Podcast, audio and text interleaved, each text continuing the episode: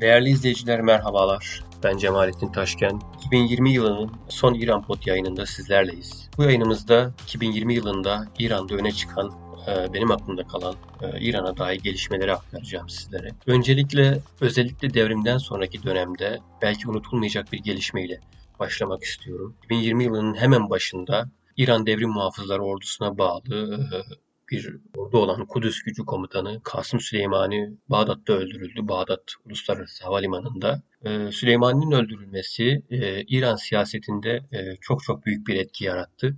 Gölge Komutan ismiyle meşhurdu kendisi.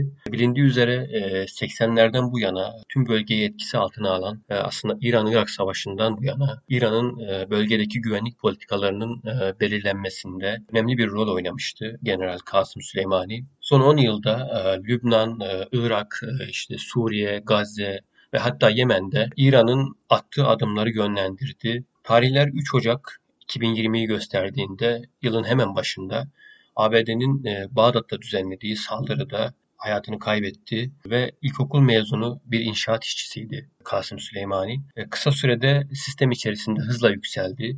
E, Afganistan sınırındaki birliklere komuta etti. İran-Irak savaşına katıldı ve burada önemli kahramanlıklar gösterdi. Müesses nizamın güvenini kazandı ve e, öldüğünde cebinden çıkan vasiyetnamesi aslında bana göre İran'ın bölge politikalarına yönelik konsantrasyonunu, motivasyonunu özetler nitelikteydi. Notta şöyle yazıyordu. Ben asker Kasım Süleymani beni nümayişten, gösterişten uzak bir şekilde defnedin e, diyordu notta. Kasım Süleymani'nin naaşı ülkedeki kutsal mekanlarda gezdirilirken e, başka bir olay daha yaşandı. Süleymani'nin intikamını almak amacıyla 8 Ocağın e, ilk saatinde BD'nin Irak'taki Ayn el hava üssünü onlarca füzeyle vurduğunu duyurdu İran. Dünya bu olayı tartışırken e, yaklaşık 5 saat sonra sabahın erken saatlerinde Tahran İmam Hümeyni Uluslararası Hava havaalanından e, Ukrayna'nın başkenti Kiev'e gitmek üzere havalanan Boeing 737 tipi yolcu uçağı kalkıştan kısa bir süre sonra düştü. İranlı yetkililer uçaktakilerin tamamının hayatını kaybettiğini ve kaza nedeninin e, teknik bir arıza olabileceğini duyurdu. E, fakat e, bu açıklamaya önce Kanada'dan sonra da İngiltere'den itiraz geldi ve her iki ülkede ellerinde uçağın kasten düşürüldüğüne dair görüntüler olduğunu öne sürdüler. Önce Kanada'dan itiraz geldi diyorum çünkü uçaktakilerin önemli bir kısmı İran asıllı 63 Kanada vatandaşıydı e, ve hepsi hayatını kaybetti. Uçağın nasıl düştüğü ile alakalı tartışma devam ederken bu süreçte İran Genelkurmay Başkanlığı 3 gün süren sessizliğin ardından Ukrayna Hava Yolları'na ait uçağın yanlışlıkla füze isabet etmesi sonucu düştüğünü itiraf etti, açıkladı. E, bunun yanı sıra İran Dışişleri Bakanı Cevat Zarif, an düşürülmesi nedeniyle özür diledi. E, Cumhurbaşkanı Ruhani tahkikat devam etmeli ve bu affedilemez yanlışın sorumluları hakkında yasal işlem yapılmalıdır ifadelerini kullanan bir açıklamayla kamuoyunu bilgilendirdi. İran lideri Ayetullah Hamaney de Genelkurmay Başkanlığı'na muhtemel kusurlar ve eksiklerin incelenmesi talimatını verdi. Ee, yaşanan olumsuz gelişmelerle birlikte Ruhani'nin de dediği gibi İran için zor bir yıl olacak açıklaması adeta sübut ediyordu İran'da. Ocak ayından sonra bilindiği üzere tüm dünyayı kasıp kavuran e, koronavirüs salgını İran'ı da etkisi altına almıştı. E, yaptırımlar nedeniyle zaten ilaç sıkıntısı yaşayan İran'ın e, virüsle mücadelesi de olaylı ve bir o kadar tartışmalı oldu. Halen daha da devam ediyor bu tartışmalar. Halk ülkenin çeşitli yerlerinde e, protestolar düzenleyerek hükümeti hastalığı hastalığı gizleyerek tedbir almamakla suçladı. Hükümet yani devlet ise hastalıkla mücadelenin önündeki en büyük engelin sistemdeki aksaklıklar veya e, yönetim hatası değil de e, batı yaptırımları olduğuna dikkat çekerek e, hem kendini savunmuş oldu hem de batı karşıtlığını anlamlı bir zeminde yürütmeye çalıştı yani Batı karşıtlığı zemininde yürütmeye çalıştı.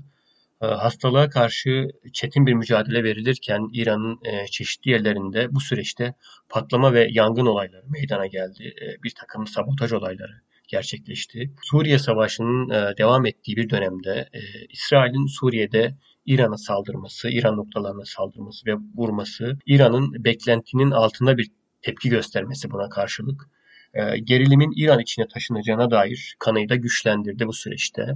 Bu olaylarla birlikte e, İran'a uygulanan ekonomik baskının aslında askeri, askeri bir baskıya evrildiği bir dönem olarak öne çıktı.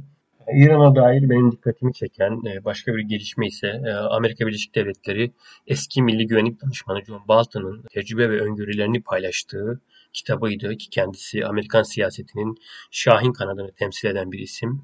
E, kitapta İran konusuna da değinmişti. İran'a da bir bölüm ayırmıştı ve Baltın kitabında sıklıkla atıfta bulunduğu gibi İran'ın bede siyasetinde e, sık sık gündeme gelebileceğini ve bunun olması durumunun bölgede daha farklı ve sarsıcı gelişmelerin de yaşanabileceği e, fikrini vurgulamasıydı ki bu da ileride yaşanan olaylarla birlikte kendisini gösterdi aslında. Tahran üzerindeki ekonomik baskıya askeri baskının da eklenmesiyle e, manevra gücünün tüm dünya tarafından aslında test edilebileceği bir döneme de girmiş oldu İran. İran yetkililerin bu süreçteki e, cılız tehditlerin ötesinde Tahran'daki siyasi akıl e, ülke içinde ve dışındaki muhaliflere yönelik bir takım tedbirler aldı ve muhaliflere yöneldi bir bakıma. Bu süreçte İran için önemli bir neden olan bir olay daha yaşandı. 27 yaşındaki İranlı güreşçi Nevid Efkari 2018'deki hükümet karşıtı gösterilerde bir güvenlik görevlisini öldürmekle e, suçlandı ve idama mahkum. E, dünya kamuoyunun e, tüm itirazlarına rağmen, spor organizasyonlarının tüm engelleme çalışmalarına rağmen e, cinayeti işkenceyle itiraf etmek zorunda kaldığını söyleyen e, İranlı milli güreşçi 27 yaşında idam edildi maalesef. Bu idamı Aralık ayının sonunda muhalif gazeteci Ruhullah Zem'in idam edilmesi takip etti. İran'da hakkında e, devletin petrol parasını zimmetine geçirmek ve yeryüzünde fesat çıkarma suçlarından idam kararı verilmiş olan Babek Sencani ile ilgili herhangi bir gelişme yokken, kendisi 4 yıldır hapiste yatarken İran'ın alelacele ve zorlama kararı muhalif isimleri idam etmesi, bir sporcuyu, bir gazeteciyi idam etmesi, Batı'ya kendi muhalefetini yok ederek cevap vermesi olarak yorumlandı. Elbette Babek Sencani'nin de idam kararı durdurulmalı ve adil yargılanma hakkı sağlanmalı ancak bir sporcunun ve bir gazetecinin apar topar idam edilmesi İran'a dair kuşkuları da artıran gelişmeler olarak hafızalarda yer etti. E, bölgedeki gergin süreç devam etti. İsrail basınında habere göre e, İsrail Başbakanı Benjamin Netanyahu ve Suudi Veliaht Prens Muhammed Bin Selman'ın 22 Kasım'da e, Suudi Arabistan'ın e, Neom kentinde gizlice bir araya geldiği e, yazıyordu ve İran'a dair çekincelerin konuşulduğu bir toplantıydı bu. Suudi Dışişleri Bakanlığı e, böyle bir görüşmenin gerçekleşmediğini açıklasa da İran basınına göre bu görüşmede e, bölgedeki olası bir gerilime karşı ortak bir duruş benimseme yönünde kararların alındığı yazıyordu. 23 e, Kasım'da ise İran'ın e, İran destekli Husilerin Yemen'den Suudi Arabistan'ın Cidde kentindeki bir Aramco petrol tesisine saldırı düzenlediği haberi geldi. İran'daki muhafazakar basın Husilerin Kudüs 2 balistik saldırıyı övdü ve e, muhafazakar basına yakın gene Mir Haber Ajansı e, bu stratejik hamle e, Suud-İsrail görüşmesinin ardından gerçekleşti ve onlara yanlış bir adım atmamalar yönünde bir uyarı oldu ifadelerini kullandı. Bu haberden 4 gün sonra e, yani 27 Kasım 2020 tarihine geldiğimizde İran nükleerinin babası olarak bilinen e, Hüseyin Fahrizade Tahran'a 90 kilometre yakınlıktaki bir yerde e, bir suikast sonucu öldürüldü. Kamuoyunda yer alan İran nükleerinin kilit ismiydi yorumu yaygın olsa da ben aslında bu yoruma pek katılmıyorum. Çünkü İran nükleerinin e, tek bir kişiye bağlı olduğu dönemlerin artık geride kaldığını düşünüyorum. Ve hatta bu suikastin İran'daki mevcut nükleer çalışmaları hedef aldığını söylemek bile eksik bir yorum olabilir. Ee, evet, Fahrizade iyi korunuyordu. Ee, İran nükleeri için de önemli bir isimdi ancak suikastin arkasındaki esas amacın İran nükleer faaliyetleriyle ilişkili olmayan e, politik bir sayede işlendiğini söylemek mümkün. E, zira iki ihtimal öne çıkıyor bu suikastle. Birincisi İran'la Biden yönetimi arasındaki potansiyel yakınlaşmanın önüne geçmek.